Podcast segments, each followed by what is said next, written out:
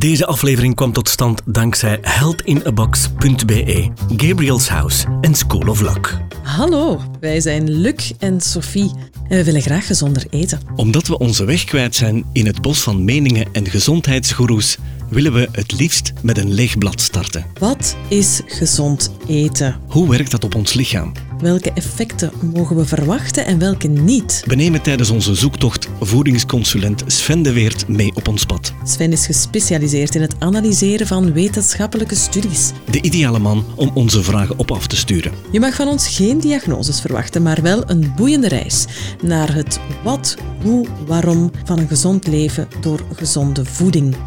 Welkom bij Beetweters. Goedenavond iedereen. Wij zijn hier uh, terecht in een houten chalet in een uh, natuurlijker gebied dan waar we normaal gezien onze podcast opnemen. Namelijk in mijn eigen tuin, in mijn praktijkruimte. Dus ik ben uh, heel blij om mijn twee collega's Sven en Luc hier bij mij thuis te mogen ontvangen. En we gaan vandaag weer graag van start met alweer een nieuwe aflevering, de vijftiende al, van Beetweters. Ik wil er misschien bij vertellen dat het een ongelooflijke gezellige hut is, met een kachel op de achtergrond. Dus de klank is een beetje anders en de verklaring hebben we zo net gegeven. Oké. Wat vind jij ervan, Sven? Uh, ik vind het hier toch iets gezelliger dan uh, in, de, in de opnamestudio bij jou.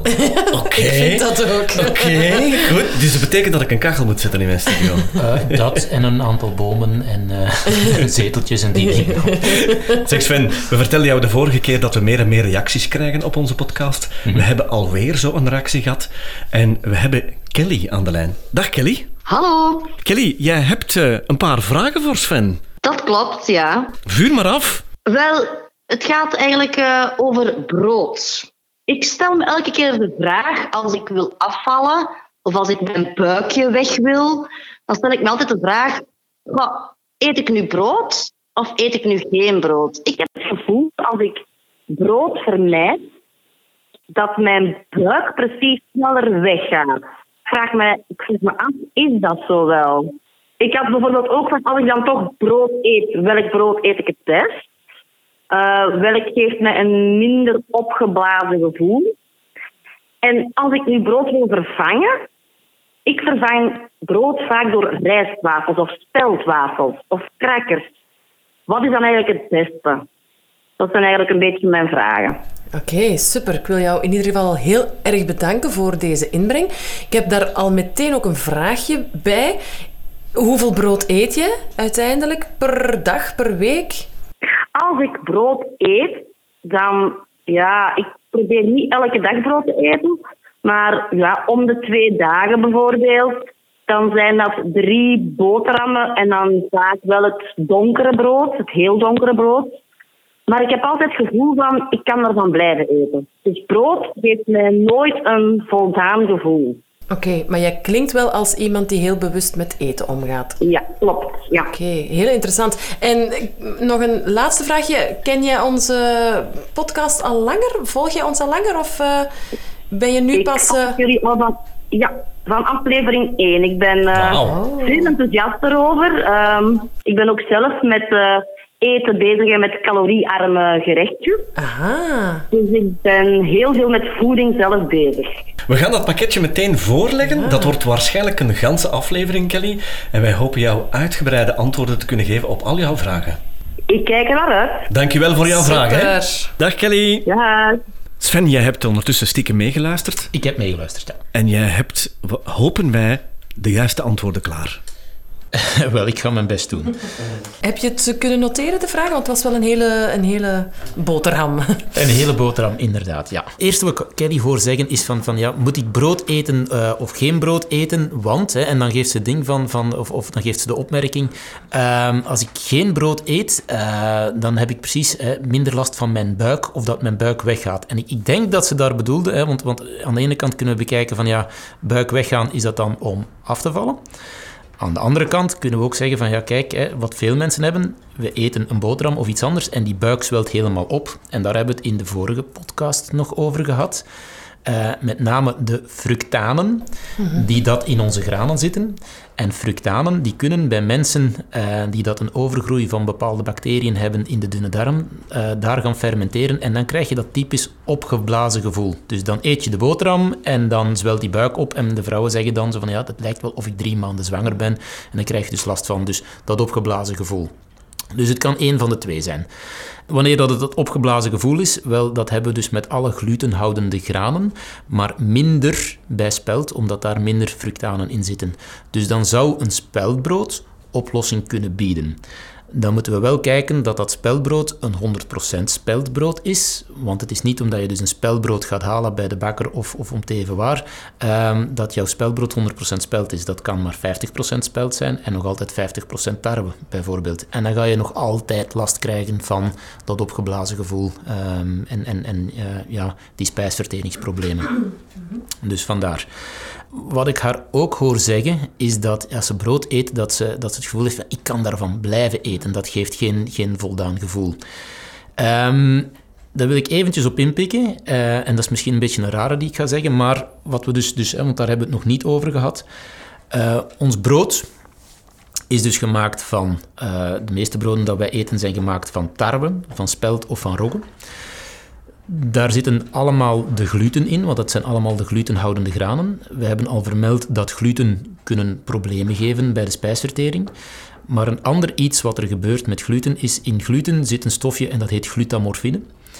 Uh, en dat is de laatste tijd een beetje in de aandacht aan het komen, uh, omdat dat een exorfine is. En dat is misschien een moeilijk woord, maar een exorfine is een stofje dat eigenlijk hetzelfde doet in onze hersenen als onze endorfines. En onze endorfines, dat is ons beloningssysteem. Dus wat we nu weten is dat die exorfines je dus een goed gevoel kunnen geven in je hersenen, waardoor dat je hersenen een beetje verslaafd kunnen aangeraken. Nu, dat is een groot woord, hè, maar dat dus wel heel prettig vinden, die stofjes dat binnenkomen, en dat je dan zegt van ja, ik kan daarvan blijven eten, want die hersenen die vragen meer, meer, meer.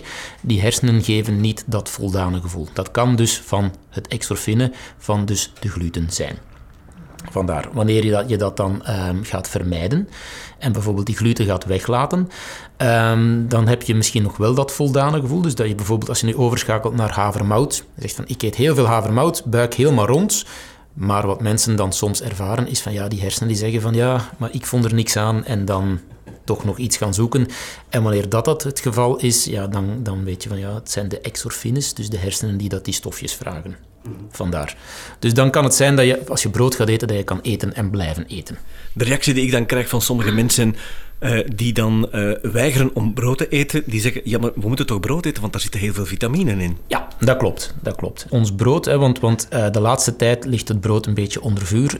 langs alle kanten wordt er gezegd van, ja, brood is een dikmaker en we hebben geen brood nodig en, en, en brood is niet zo gezond. Nu, brood is een dikmaker, dat hebben we de vorige keer al in, in vorige podcast gezegd. Brood kan een dikmaker zijn. Waarom? ons brood, hè, het brood dat we gewoon bij de bakker, ons, ons spelbrood, ons uh, roggebrood, uh, ons, ons tarwebrood. Wanneer we dat gaan eten, dat is een snel koolhydraat. Dus dat zorgt ervoor dat uh, er vrij veel insuline vrijkomt hè, en, en dat er dus op die manier, um, ja, dat je daarvan kan aankomen dat brood op die manier wel een dikmaker is. Wanneer we bijvoorbeeld één snede brood gaan eten bij, bij een, een, een groentemaaltijd, hè, bijvoorbeeld we eten koude schotel, we eten daar één of twee snedes brood bij, ja, dan is die, die uh, koolhydratenlading, dus, dus de, de respons van de insuline veel, veel lager. En dan ga je dat niet krijgen. Dan ga je geen stijging van de uh, bloedsuikerspiegel krijgen. Dus je moet het altijd een beetje gaan bekijken. Brood kan een dikmaker zijn. Uh, wanneer dat, dat een gewone typische broodmaaltijd is, als je brood bij iets anders gaat eten, bij voldoende groenten, voldoende vezels, is dat een ander verhaal. We blijven bij die groenten die toch wel in elke maaltijd best aanwezig zijn. Ja, maar dat is dus bij veel ja. mensen wel een probleem. Dus we gaan niet s'morgens de boterham nee. eten met een hele hoop salade. Um, ja. S'avonds kan dat al wel, maar de meeste mensen s'morgens groenten eten is, is en blijft een moeilijke. En wanneer we s'morgens brood eten, is dat gewoonlijk met choco, confituur of onze charcuterie. Uh mhm. -huh. En dan krijg je nog altijd wel dat brood een snel koolhydraat is en dus insulinepiek kan veroorzaken. Uh -huh. En speelt de dag van vandaag de kwaliteit van het brood een rol? Uh, wel kwaliteit. Ik denk, als je bedoelt kwaliteit. Al ons brood is wel kwalitatief heel goed. hè, dus, dus dat is allemaal gemaakt bij, bij, bij de bakkers hè, en zo. En dus, dus, dus daar is absoluut niks mis mee. Ehm, wat er wel is, is dat wij de laatste eh, jaren, hè, dus dat het brood dat we nu eten, ik zal het zo zeggen, is niet het brood dat we 50 of 100 jaar geleden aten. En, en een heel groot verschil is dat ons brood nu gemaakt wordt met onze moderne gist. Wij bakken een brood en, en op een uurtje tijd is ons brood eigenlijk klaar, bij wijze van spreken. Terwijl dat mensen vroeger zuurdesem gingen gebru- gebruiken.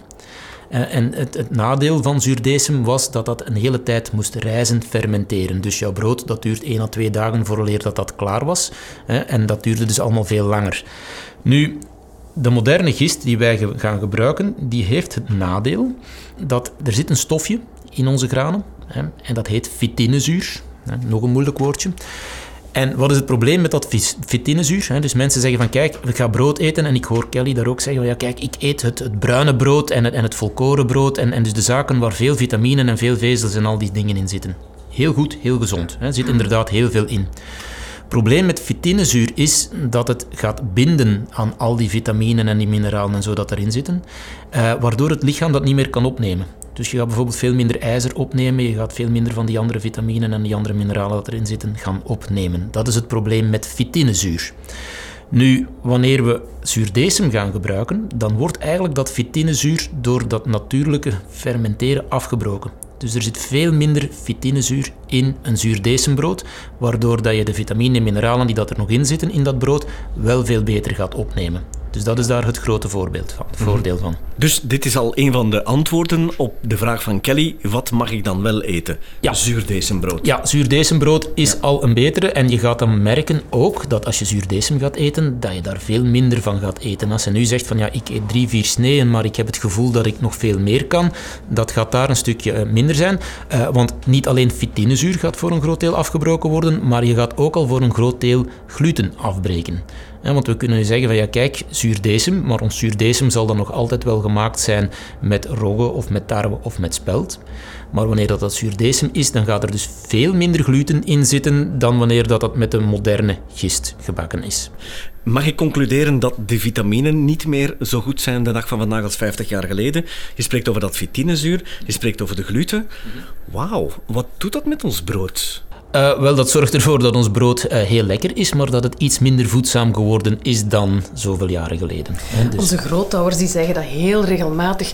Bijvoorbeeld alleen al maar het gewicht van een brood nu vergeleken met vroeger, dat het al een gigantisch verschil was. Ja. Dat die vroeger met het zakje of eh, ja, de zak aan hun, aan hun fiets moesten rijden en dat dat iets, iets woog, dat dat gewicht had vroeger. echt, Ja, dat een, brood, een, zuurdesembrood, als je dat gaat eten of gaat halen, zal je ook al wel merken dat dat veel compacter, veel zwaarder is. En zeker als je dan nog naar, naar roggebrood en zo gaat, hè, dus roggezuurdesem, dan ga je merken van, ja kijk, dat is toch wel echt veel compacter.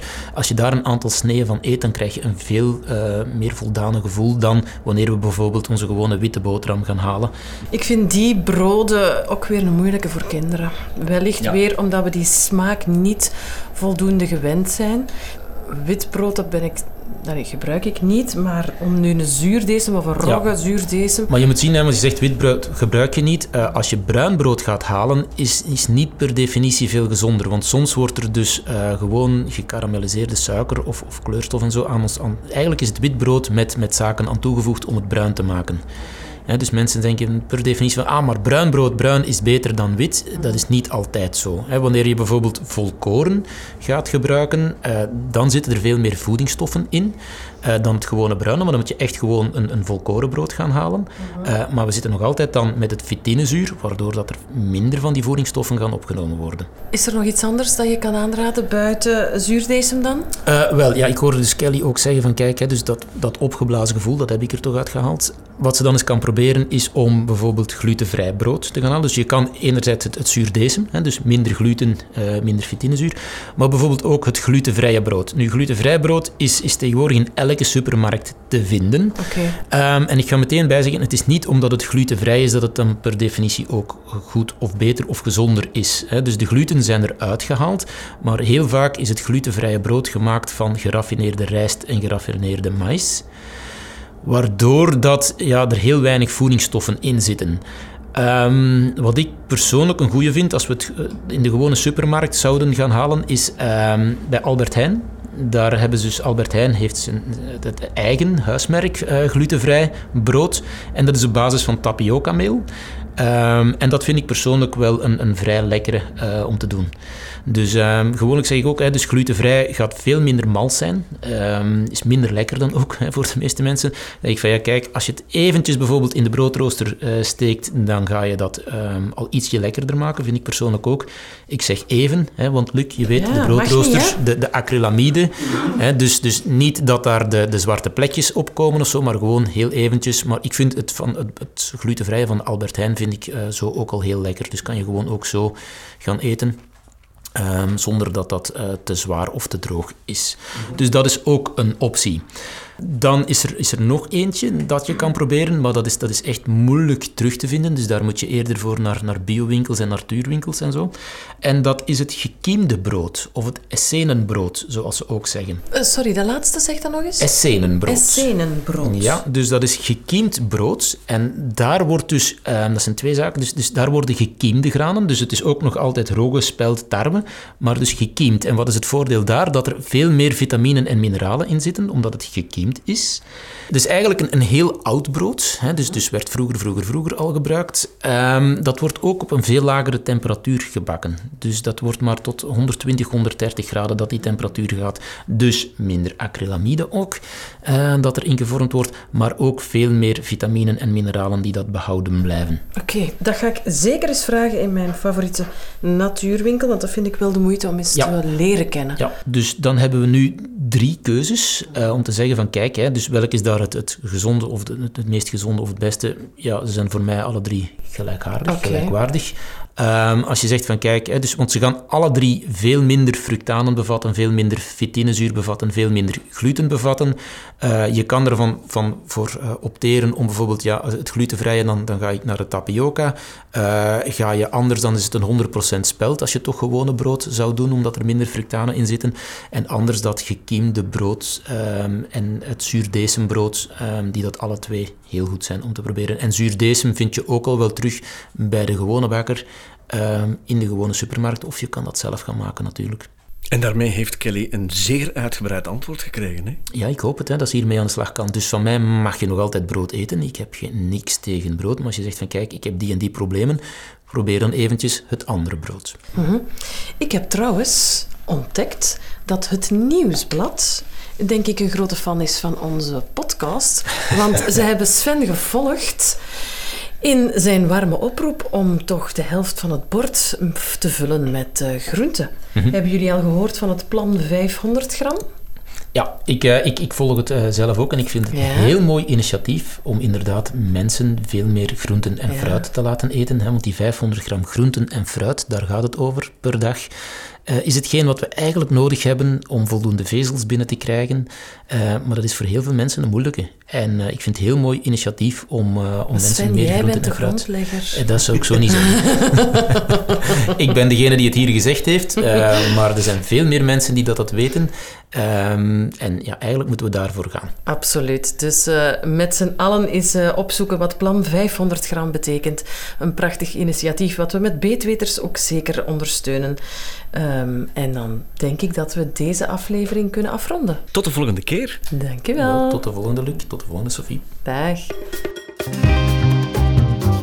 Bedankt voor het luisteren. Hopelijk heb je er weer wat van kunnen opsteken. Wil je iets delen met ons? Of heb je een vraag voor Sven? Laat het ons weten. Je vindt ons op beetweters.be of op sociale media. Je kan ons helpen met een goede review of door deze podcast aan anderen door te geven. Deze aflevering kwam tot stand dankzij heldinabox.be, Gabriel's House en School of Luck.